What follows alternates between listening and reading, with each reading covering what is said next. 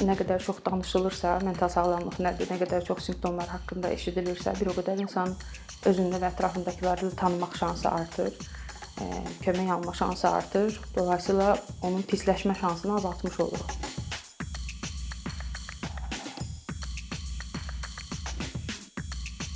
Bildiyimiz kimi hazırda mental sağlamlıq biraz daha çox danışılır əvvəlki dövrlərə nəzərən. Bu ola bilər ə, sosial mediada, bu ola bilər gündəlik həyatımızda. Yəni insanlar əgər əvvəllər qorxurdularsa, çəkinirdilərsə, ə, psixoloqiyama getməkdən, danışmaqdan və s. indi bu biraz bariyerlər, bu tabu deyə bilərik bəlkə də. Bu tabular biraz daha ə, qırılıb. Ə, ümumiyyətlə gəlin bundan başlayaq ki, mental sağlamlıq nədir və biz mental sağlamlıq haqqında baza olaraq nələr bilməliyik özümüz haqqında və mental sağlamlığımız haqqında? Əslində çox e, geniş anlayışdır. Mental sağlamlığı biraz izah etmək də çətindir o baxımdan spesifik olaraq. E, necə ki mental sağlamlıq professionalları bölünür. Məsələn, psixiatrlar, e, psixoloqlar, nevroloqlar, problemin növündən, şiddətindən asılı olaraq və ya psixoloji konsultantlar mental sağlamlığımızın da bir növ belə deyək də əksildiyi, zərər gördüyü halların da şiddəti dərəcəsi var. Ümumən mental sağlamlıq deyəndə bizim gözlədiyimiz şey şəxsin özünün fərqində olması, bacarıqlarının fərqində olması, duyğularının, düşüncələrinin, davranışlarının belə deyək, idarəsində daha rahat hiss etməsi, özünü cəmiyyətdə aktuallaşdıra bilməsi, münasibətlər qura bilməsi, işləyə bilməsi, bir içində olduğu cəmiyyətə bir fayda verə bilməsi halı deyə bilərik. Yəni ümumən baxdığımızda insanın necə ki fiziki olaraq sağlam hiss etmə, yaxşı hiss etmə ehtiyacımız var. Mental sağlamlığımız da həmin o fiziki sağlamlığımızın bir ona bənzər şəkildə yaxşı olma halımızın bir parçasıdır. Yəni ümumən insanın həyatda o rifah halının, yaxşı olma halının təmin edilməsi üçün zəruri bir parçasıdır mental sağlamlığımızda. Və əhatə etdiyi şeylər bizim duyğularımız, düşüncələrimiz, davranışlarımız, onlarla bağlı necə hiss etməyimizdir. İndi dərəcəsindən asılı olaraq e, bunun pozulduğu halların e, yaşamı çox çətinləşdirdiyi vəziyyətlər ola bilər və ya şəxs yaşama davam edir, amma müəyyən çətinliklər yaşayır ola bilər. Bu halda biz e, bir pozuntudan və ya yəni mental sağlamlığın pozulmasından danışa bilərik və ya mental sağlamlığın e, zədələnməsi, amma bir pozuntunun olmadığı hallardan danışa bilərik. E, məsələn, deyək ki, o mental sağlamlıq mütəxəssislərinin bölünmə ardıcıllığına baxsaq, e, deyək ki, şəxsin günlük yaşam stressləri ilə mübarizə aparmaqda müəyyən bir çətinliyi var, problem həll etmədə müəyyən bir çətinliyi var, münasibətlərdə bir çətinliyi var. Bu məsələn bir psixoloji konsultantın köməyi ilə həll edə biləcəyi problemlərdir. Yəni bir psixoloji konsultasiyaya, hisslərini aydınlaşdırmağa ehtiyac duyur şəxs. Və ya fərqli psixoterapiya növlərindən deyək ki, xüsusi bir diaqnoza ehtiyac olmadan hansısa bir düşüncənin, davranışın araşdırılması, onun problem yaradan hissələrinin təhlil edilməsi ilə şəxsin həyatı yaxşılaşdırıla bilər.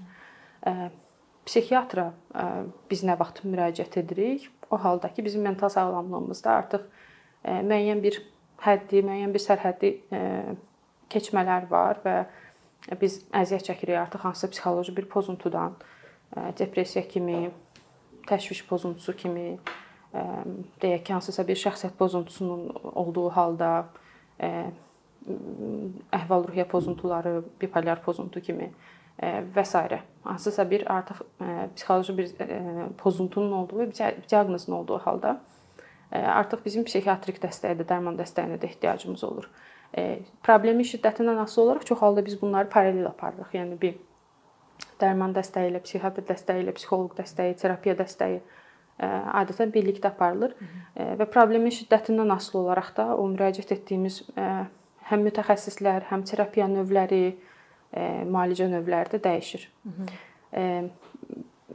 Ümumən biz yəni mental sağlamlıq deyəndə anladığımız şey əslində sırf bir xəstəliyin olmadığı hal olmamalıdır. Yəni əgər biz bir insan mental sağlamdır demək üçün biz onu axtarmamalıyıq ki, mütləq onda bir hansısa pozuntu, bir psixoloji bir diaqnoz olmağına ehtiyac var. Bu dərəcələrindən asılı olaraq dəyişdiyi kimi o yaşamda yaxşı hiss etmə halımız da o psixopozuntunun dərəcəsindən asılı olaraq da dəyişir. Bir psixopozuntunun varlığı və ya olmayışı olmadığı halda da yaxşı hiss etməmiz yenə dəyişə bilər. Dolayısıyla yəni günlük yaşamda nə qədər münasibətlərdə çətinlik yaşayırıq, nə qədər problemlərlə mübarizə apara bilirik, özümüzü aktuallaşdıra bilirik. Bütün bunlar mental sağlamlıq dərəcəmiz artdıkca yaxşılaşan tərəflərimizdir.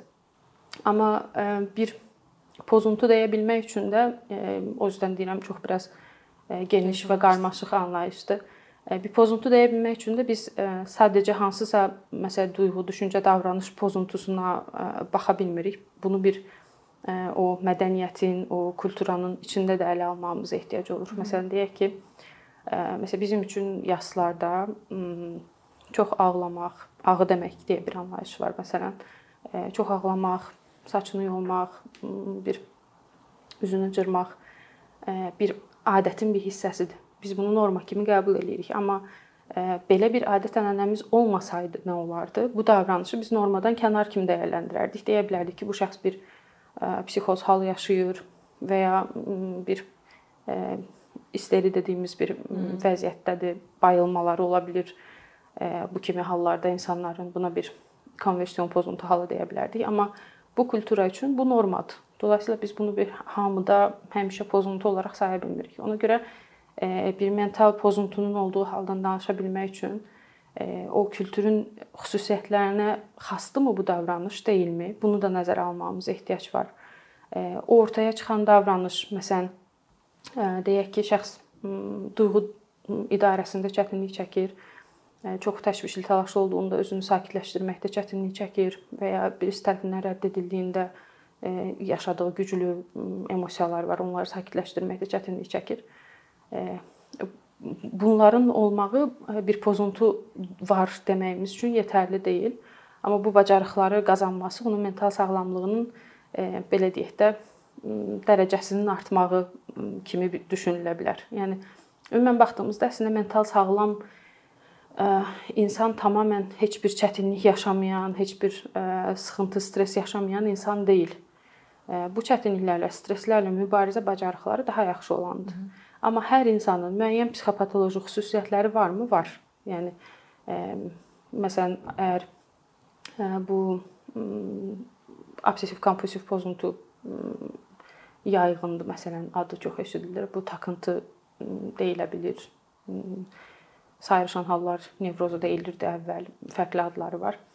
Məsələn, obsessiv kompulsiv pozuntusu olan insanların sahib olduğu, deyək ki, şübhə yaradan düşüncələr normalda da digər insanlarda da olan düşüncələrdir. Məsələn, bir şey etdim ya etmədim, kontrol etmək və ya görəsən pis bir şey olarmı filan şeyi düşündümsə kimi bəzi batil inanclar cəmiyyət içində də rastladığımız düşüncələrdir. Yəni o psixopatoloji xüsusiyyətləri hər kəs daşıya bilər, amma bu o mənaya gəlmir ki, əgər bunlara sahib isə bizim mental sağlamlığımız pozulub və ya bizim hansısa bir diaqnozumuz var. Hı -hı. Mən az əvvəl qeyd eləmişəm, bir daha qeyd eləmək istəyirəm ki, ümumiyyətlə bir gənc nəslin nümayəndəsi kimi ki, siz də gəncsiniz. Mən fikirləşirəm ki, bir çox insan bunu bir çox insan bunu müşahidə edə bilər ki, artıq son dövrlər mental sağlamlıq haqqında danışmaq tabusu yıxılıb və insanlar nəinki mental sağlamlıq, bu ola bilər digər depressiya əlamətləri olsun, bu ola bilər digər məsələlər olsun, daha açıq və olma çalışırlar və eyni zamanda öz mübarizələrini bir-birlərinə bölüşürlər ki, bir-birlərinə dəstək olsunlar. Bunu biz Gen Z dediyimiz daha gənc və daha internetlə daha çox əlaqəli olan və daha çox internetlə, sosial mediada özünü ifadə etməyə belə deyək də ürəkli olan gənc növlərindən növlərində müşahidə edə bilərik.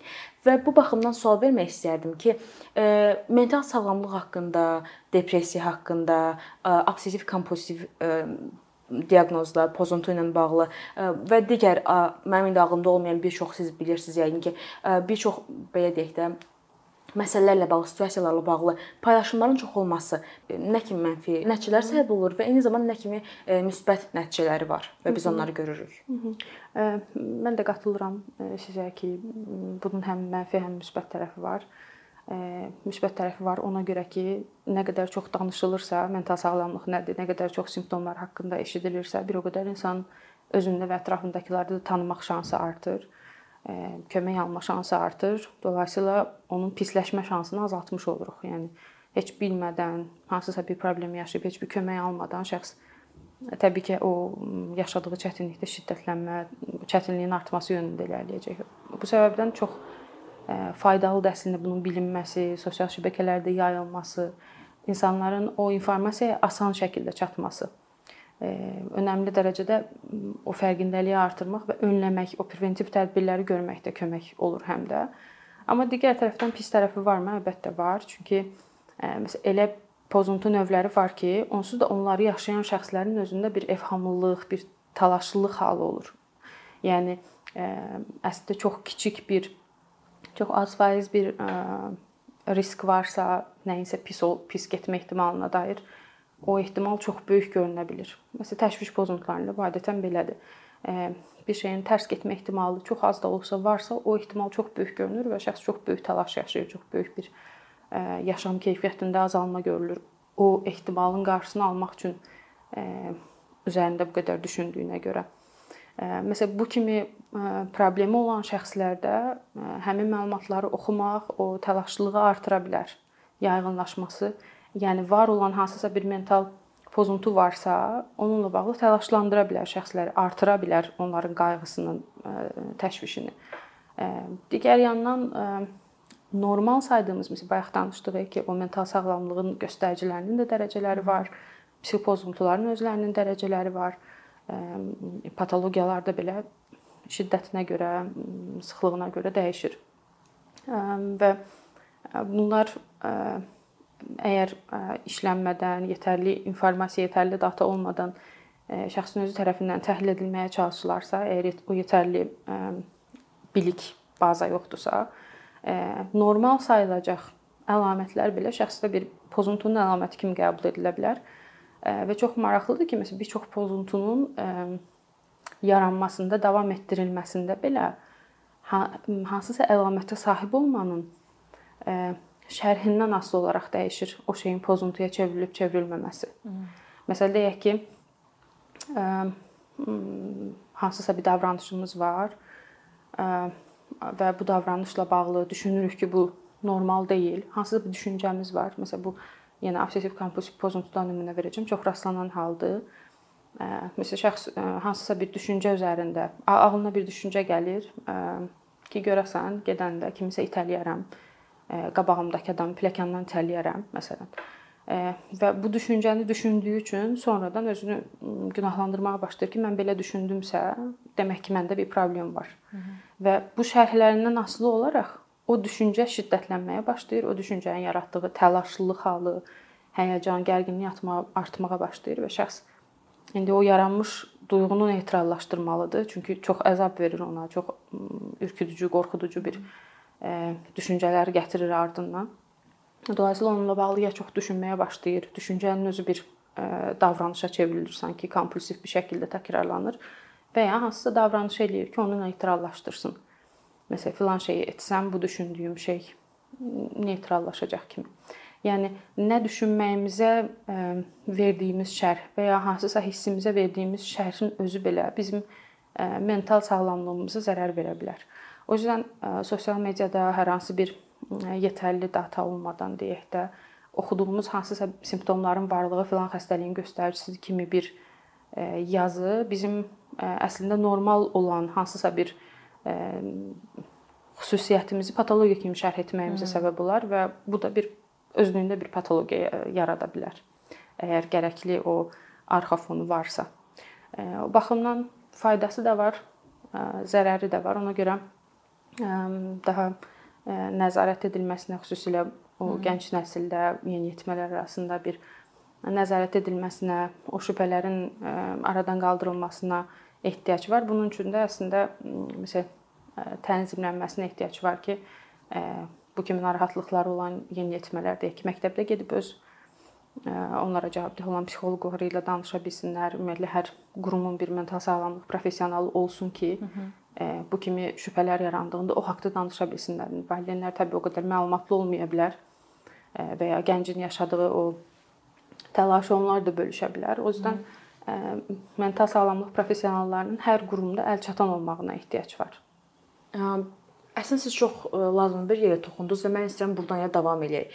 Biz bilirik ki, bir çox məktəbdə hazırdansa o psixoloqlar var, ya da ki, bu barədə mütəxəssislər var, amma onlar nə qədər çox tələbələrə, şagirdlərə kömək edə bilirlər, bu uzun illərdir artıq böyük bir belə deyək də sual işarəsidir ki, doğrudan bu kömək edirmi, etmirmi və yaxud da ora yerləşdirən mütəxəssislər Ümumiyyətlə, yəni tələbələr, şagirdlər o mütəxəssisləri özlərinə yaxın bilib onların yanına gedəcəklərmi? Bu da bir sual işarəsidir və bu suallar ə, təəssüf olsun ki, hələ də cavablandıra bilmir. Və bu baxımdan bilmək istəyirəm ki, hazırda görürük ki, psixoloqlar öz ə, resurslarını və ya öz bildiklərini, öz biliklərini ə, bu sosial media marketinqi üzərindən artıq özləri də bölüşürlər və bu bir qədər mən düşünürəm ki, nəinki bir gəncin öz hekayəsini paylaşmaq, ə, bir psixoloqun öz bildiklərini paylaşması mən düşünürəm düşünürəm ki, bəlkə daha necə deyirlər, daha kömək edən bir nüans olar. Amma eyni zamanda bunun üçün sizin də bayaq qeyd etdiyiniz kimi mütləq şəkildə bir islahatlar olmalıdır və nəinki bir neçə psixoloq, nəinki insanlar özləri, eyni zamanda bu dövlət səviyyəsində, yəni bu barədə islahatlar görülməlidir və bir psixoloq kimi siz necə düşünürsüz, hansı addımlar atılmalıdır ki, biz həm gəncləri qoruyaq, həm də onların belə deyək, bir-birinə sosial mediada dəstək verməklərini də necə deyirlər? Yəni bu barədə artıq narahat olmayaq. Məncə ümumiyyətlə tək bu mental sağlamlıqla bağlı deyil, hər sahədə, məsələn, pandemiya vaxtı da çox yaşanan Hı -hı. bir kriz oldu bu. İnsanların o sosial medianın, ümumiyyətlə internetin ağıllı istifadə etmə bacarıqları hələ ki ən azından mənim müşahidəmə görə bizdə çox deyil deyə realist olmayan, çox reallıqdan kənar paylaşımlara belə inanıb təşvişə düşə bilər insanlar. O yüzden mənə elə gəlir ki, bu tək mental sağlamlıqla bağlı deyil, o düzgün qaynaqları istifadə edə bilmə, o araşdırma bacarıqlarının öyrədilməsinə ehtiyac var. Cəmiyyətin bütün sferaları, bütün kəsimləri üçün deyək. Xüsusilə məktəb, universitet yaşında olanlar üçün zaten yəni bu olmazsa olmaz bir gərəklilikdir həm elmi inkişaf üçün, həm o elmi düşünmə bacarıqlarının inkişafı üçün o axtarış motorlarının düzgün istifadəsinə, lazımlı məlumatı lazımsızdan ayırd etməyi öyrənməyə ehtiyac var. İndi mental sağlamlıqla bağlı mənə elə gəlir ki, əgər bu bununla bağlı o yetərli islahatlar keçirilsə məktəblərdə elmi araşdırma metodları ilə bağlı bir məlumat verilsə, araşdırmanın internet üzərində ağıllı axtarışın edilməsi ilə bağlı müdaxilələr edilsə, onsuz da doğrunu yanlışdan ayırmaq, o məlumat olaraq güvənilir olan və olmayan ayırd etmə bacarıqlarını qazanmış olarlar və mental sağlamlıq üçün də eyni şey keçərli olar. Ki, o güvənilən qaynaqlardan oxumağı, məsələn, kifayət qədər əslində resurslar var, fərqli dillərdə də bizdə də bu Dünya Sağlamlıq Dünya Səhiyyə Təşkilatının deyək ki, o sosial media səhifələri var.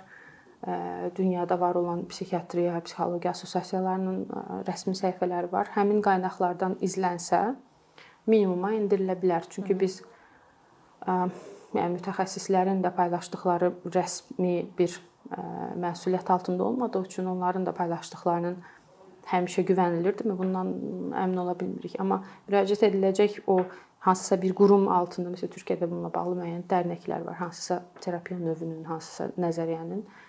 Buna bənzər məsələn dərnəklər olsa, bəlkə təşkilat deyə adlandıra bilərik. Onların özlərinin rəsmi səhifələri və orada bölüşülən müəyyən videolar, məlumatlar olsa daha etibarlı olar sosial media üzərindən, internet üzərindən alınan məlumatlar. Eyni şəkildə mental sağlamlıq sahəsində də.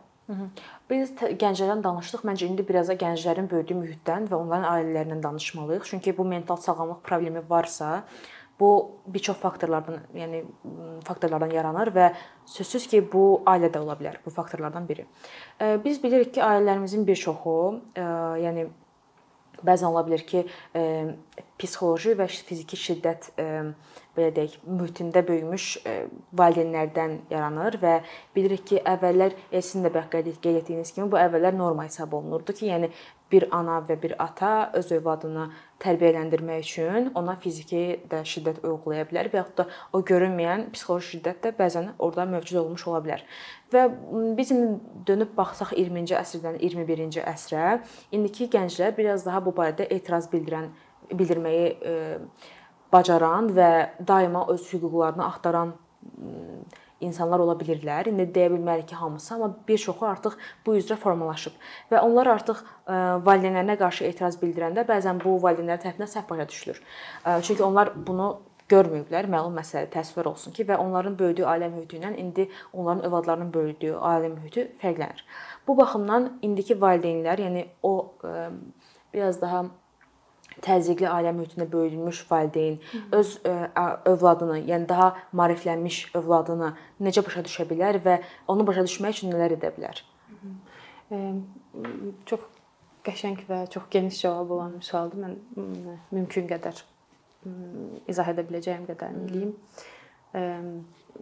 Uşaq böyütmə şəkilləri biraz niyə iki əsr arasında bu qədər fərq var deyə düşünə bilərik. Biraz da bu psixologiya elminin dəyişimi ilə də əlaqəlidir. Yəni müəyyən psixologiyanın insan davranışını izah edən nəzəriyyələr çox fərqlidir. Kimisi deyir ki, insan sadəcə bioloji olaraq aldığı genetik nə, nə varsa, nə məlumat varsa onu təkrarlayır. Kimi nəzəriyyə deyir ki, sadəcə mühitin vacib bir rolu var. Kimi nəzəriyyə deyir ki, yox, insanın özünün daxildən gələn hansısa bir instinktləri var, onları reallaşdırır. Müxtəlif yanaşmalar var, yəni insan davranışını izah edən və bu 19-cu əsrin sonu, 20-ci əsrin əvvəllərində yayğın olan, çox populyarlaşmış nəzəriyyə davranışçı nəzəriyyə idi. Hı -hı. Və davranışçı nəzəriyyənin belə bir iddiası var idi ki, insan eynən necə ki heyvanlara, ki heyvanlar üzərində müşahidələrlə bu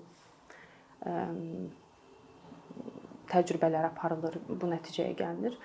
Görülür ki, heyvanlarda məsələn hansısa bir qidanı verərək hansısa davranışı şərtləndirə bilirik. Hı -hı. Yəni öyrədə bilirik bir növ və bir çox mümkün olmayacağını düşündüyümüz davranışları belə vərdişləri, şərt refleksləri belə yaratmaq mümkün olur və düşünülür ki, insanda da niyə belə olmasın?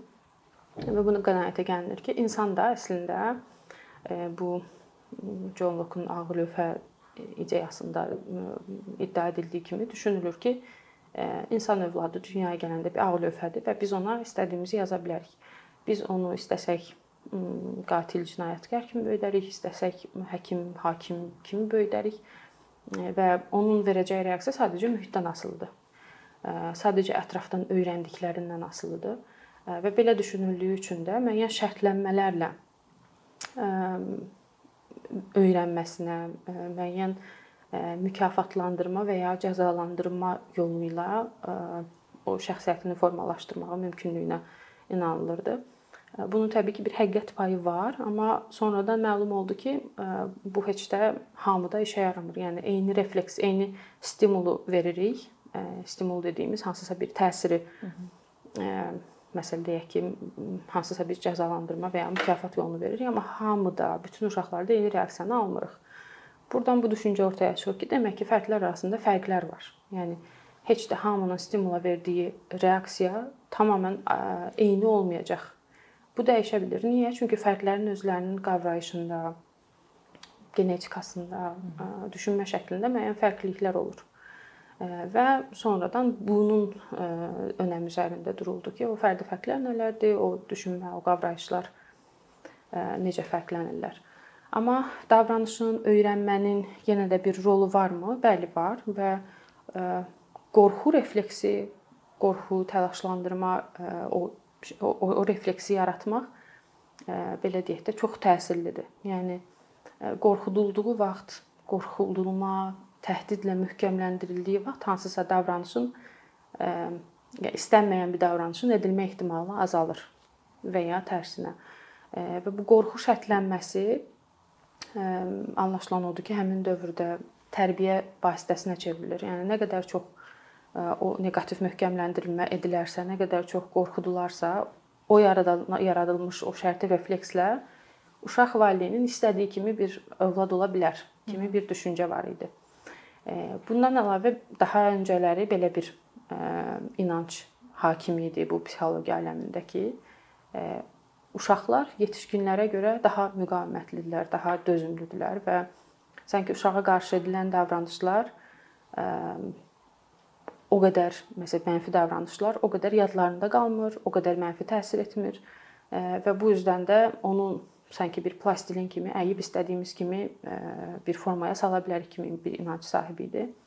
Amma sonradan tədqiqatlarla, müşahidələrlə gələn nəticə oldu ki, bu belə deyil, əksinə uşaqlar daha az dirənclidirlər, müqavimətləri daha azdır, dözümlülükləri dolayısıyla daha azdır və əslində daha çox zərər görürlər. Yəni yetişkin bir insan üçün hansısa bir qorxulu bir situasiyaya məruz qalmaqla uşaq üçün bu çox fərqlidir. Çünki uşağın beyin strukturları yetişkin insandakı qədər inkişaf etməyib. Orda bir müəyyən bir o sinir hüceyrələri ilə miyellinləşmə olsun, bu beyin korteksinin inkişafı olsun, müəyyən yaş dövrlərinə görə formalaşacaq və bu olmadan uşağa qorxuducu, zərər verici davranışların təsirlərinin edilməsi gələcək yaşamında yəni təlafisi çox çətin olan travmatik hallara gətirib çıxara bilər. O qorxu ilə hərəkət etməsinə və irəliləyən vaxtlarda bəlkə hansısa mental pozuntuların gətirməsinə, yaranmasına gətirib çıxara bilər. Və bizdən öncəki nəsillərin daha çox böyüdülmə şəkli bu olduğu üçün qorxu ilə böyüdülmənin doğru sayıldığı üçün ki, psixologiya aləmində də belə düşünülüb. Həmin davranışlar davam etdirilir Və çox gözləniləndir ki, bir valideyn ona necə davranılıbsa və ya özünün nəyi, nəyin əksikliyini hiss edibsə, övladında bunu təkrarlayacaq. Ya eynisini edəcək, ya tam əksini etməyə çalışacaq. Hər ikisi övlada zərərdir. Çünki hər iki halda valideyn özünü uşağa köçürtmüş olur. Yəni öz yaşantılarını, öz ehtiyaclarını köçürmüş olur və o uşaq öz fərdiliyindən artıq qopur. O uşaq artıq bütün bir nəslin gətirdiyi hansı xətalar varsa, onları da daşımaq məcburiyyətində qalır. Günümüzdə arzulanan uşaq tərbiyəsində arzulanan yöntəm odur ki, valideyn öz travmatik yaşantılarını əks etdirməsin. Valideyn öz istək, ehtiyaclarını, qorxularını bacardığı qədər əks etdirməsin. Bunu etmək üçün nəyə ehtiyac var? Valideynin özünün bir yetkin insan olmasına ehtiyacı var birincisi. Valideynin özünün o travmatik anlarını, ona edilən münasibətdə zərər gördüyü yerləri, o özünün öyrəndiyi qorxu şərtlənmələrini və ya başqa hansı şərtlənmələri varsa, onları köçürtməməyi öyrənməsi arzulanandır. Bu sayədə uşaq daha özü olmağı, daha güvənli bir mühitdə böyüməyi öyrənə bilər və daha sağlam bir mental hala sahib ola bilər. Digər bir bilinməsi gərəkən tərəfdə məncə bu dediyiniz 20-ci əsr valideynlərinin 20-ci əsr uşaqları ilə bağlı bilməsi olan elə bu elmi texnik tərəqqi ilə bağlı fərqliliklərdir. Uşaqların, yəni doğuşdan etibarən artıq görürük ki, yəni əllərinə bir şey al almağa başladıkları vaxtdan etibarən telefon, tablet, ekran məruziyətləri öncəki nəsillərə görə çoxdur və valideynlər üçün bu norma kimi qəbul edilir, amma Bir çox araşdırma tə tə təsdiq edir ki, 2 yaşa qədər uşaqların ekran məruziyəti onların ə, koqnitiv olaraq zehni bacarıqlarını inkişaf etdirən ə, oyunlar belə oynasa, onların sosial bacarıqlarına ciddi zədə vurur. Ə, ünsiyyətlərinə, emosional fərqindəliklərinə, emosional zəkalarına çox ciddi zədə vura bilər. Özən mənə elə gəlir buna da diqqət edilməsinə ehtiyac var. Yəni texnologiya həyatımızın bir parçasıdır, amma erkən yaş dövrü uşaqlarının bundan qorunmasına ehtiyac var və irəliləyən dövrlərdə də e, çox heyf ki, yenə o ağıllı internet istifadəsi mövzusuna gələcək olsaq, o qədər yayğın deyil, o qədər yaxşı öyrədilmir deyə uşaqların e, bu vasitələrlə istismar edilmə ehtimalları da arta bilər yəni bir nəzarətə də ehtiyac var. Bilirik ki, pandemiya dövrü hələ bitməsə də, sərt karantin rejimində olanda insanlar evdə qaldıqları üçün bir-birlərinə qarşı tolerantlığı azalırdı. Biz bunu müşahidə edə bilərik. Bəlkə monitorinqlərdə, statistikalarda məişət zorakılığı artdı və eyni zamanda bu bayaq dediyim kimi tolerantlıq azaldı insanların bir-birinə qarşı. Bunu biz müşahidə edirik öz ətrafımızda və yaxud da sadəcə olaraq cəmiyyətə baxmaq və belə necə deyim, nəzər salmaq belə kifayət edir ki, insanların bir-birlərinə qarşı münasibətlərində necə deyirlər, dəyişikliklərin olduğunu fərq eləyək və eyni zamanda bu barədə sizin fikrinizi öyrənmək istəyərdim ki, ümumiyyətlə bu münasibətlərin neqativə getməməsi üçün, insanların bir-birinə qarşı tolerantlığının eyni nöqtədə qalması üçün baza bilikləri olaraq nələri bilməliyik, nələrə fikir verməliyik ümumiyyətlə?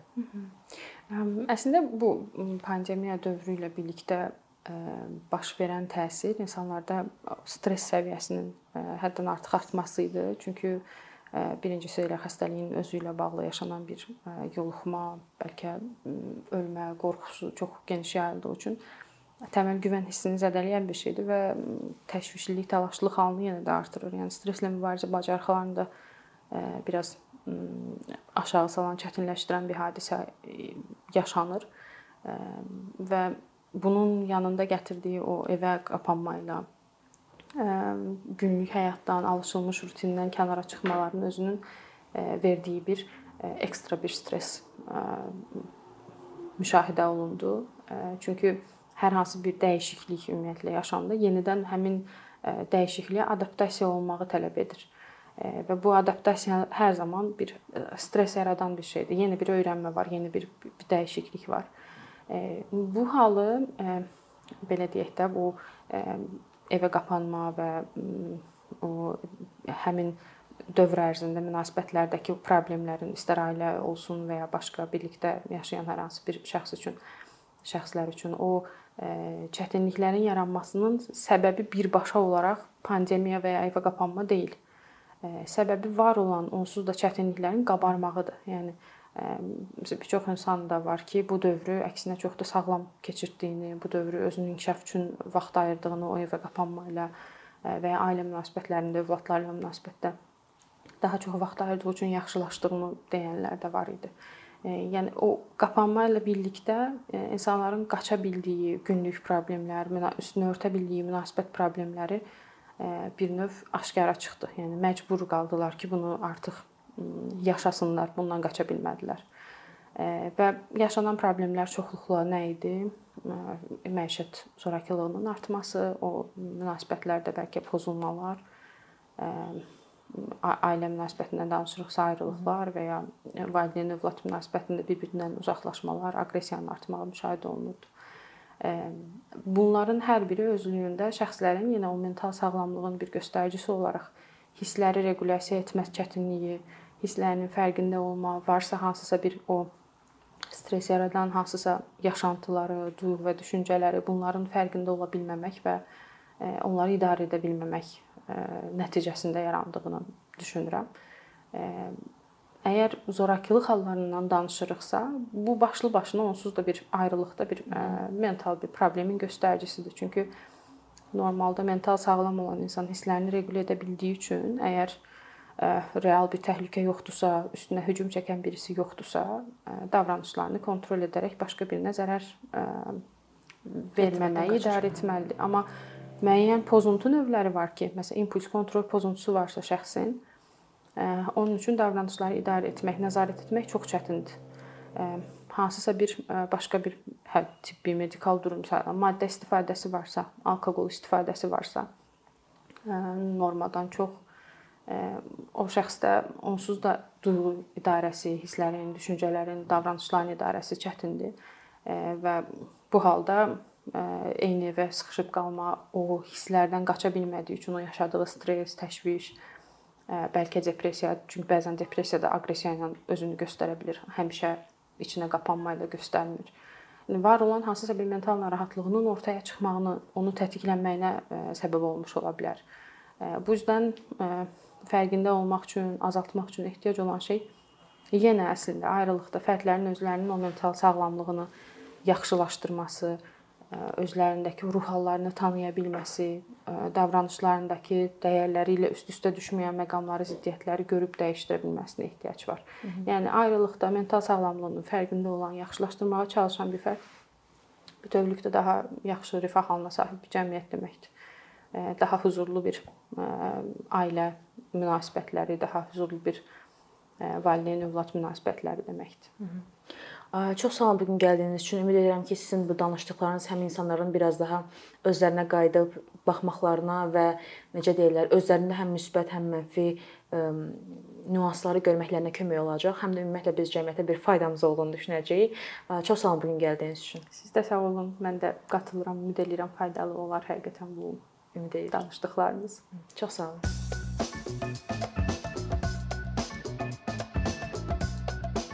Bir neçə ildir ki, əkinçi olaraq azərbaycanlı izləyicilərin hər zaman faydalana biləcəyi keyfiyyətli və ən əsas ödənişsiz kontent hazırlamağa çalışırıq. İndiyədək təqdim etdiyimiz onlarla animasiya və yüzlərlə çəkilişlər tələbələrin, mütəxəssislərin, müəllimlərin və ümumiyyətlə yeni mövzulardan xəbərdar olmaq istəyən çox sayda insanın marağına səbəb olub.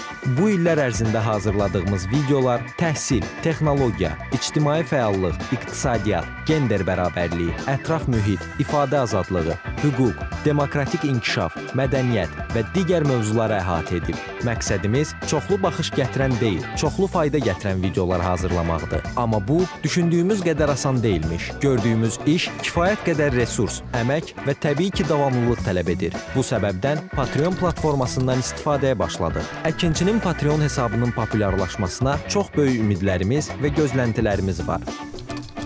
Bəziləriniz Patreon haqqında ilk dəfə eşidirsiniz. Əslində çox sadə izahı olan bir platformadır. Təsəvvür edin ki, siz rəssam və ya musiqiçisiniz. Sosial şəbəkələrdə sizi izləyən, işinizi bəyənən çox sayda insan var. Patreon platforması sizə imkan verir ki, izləyicilərinizin könüllü aylıq ödənişləri sayəsində işinizi davam etdirəsiniz. Sərgi, konsert zallarından asılı qalmayasınız. Amma bu təkcə rəssam və musiqiçilərə aid deyil. Məsələn, əkinçiyə bənzər fəaliyyətlə məşğul olan bəzi layihələrin 10 minlərlə patronu var. Biz də düşündük ki, nə üçün əkinçinin Patreon hesabı olmasın? Sizin dəstəyiniz sayəsində biz daha çox və daha keyfiyyətli kontent yaratmağa davam edə biləcəyik. Amma bu dəstək yalnız maddi dəstək deyil. Dəstəkçilərimizin sayının artması gördüyümüz işlərin faydalı olduğuna dair əminlik verir. Patreon platformasından istifadə çox sadədir. Hesabınızı açırsınız, sizə uyğun dəstək növünü seçirsiniz və Patreon özü hər ayın ilk günü kartınızdan seçdiyiniz dəstək növünə uyğun ödəniş tutur. Bu qədər. Sonda onu demək istəyirik ki, dəstəkçilərin sırasına qoşulmaq istəyən, amma məhdud imkana görə bunu edə bilməyənlər narahat olmasın. Daha öncə dediyimiz kimi, bizim əsas məqsədimiz daha çox insanın hər zaman faydalana biləcəyi keyfiyyətli və ödənişsiz kontentin yaradılmasıdır. Bunun üçün mütləq patronumuz patronumuz olmalısınız deyə məcburiyyət yoxdur. Amma imkanınız patron olmağa çatırsa və bizim işimizi bəyənirsinizsə, patronlarımızın sırasına qoşulmağınız bizim üçün çox önəmlidir.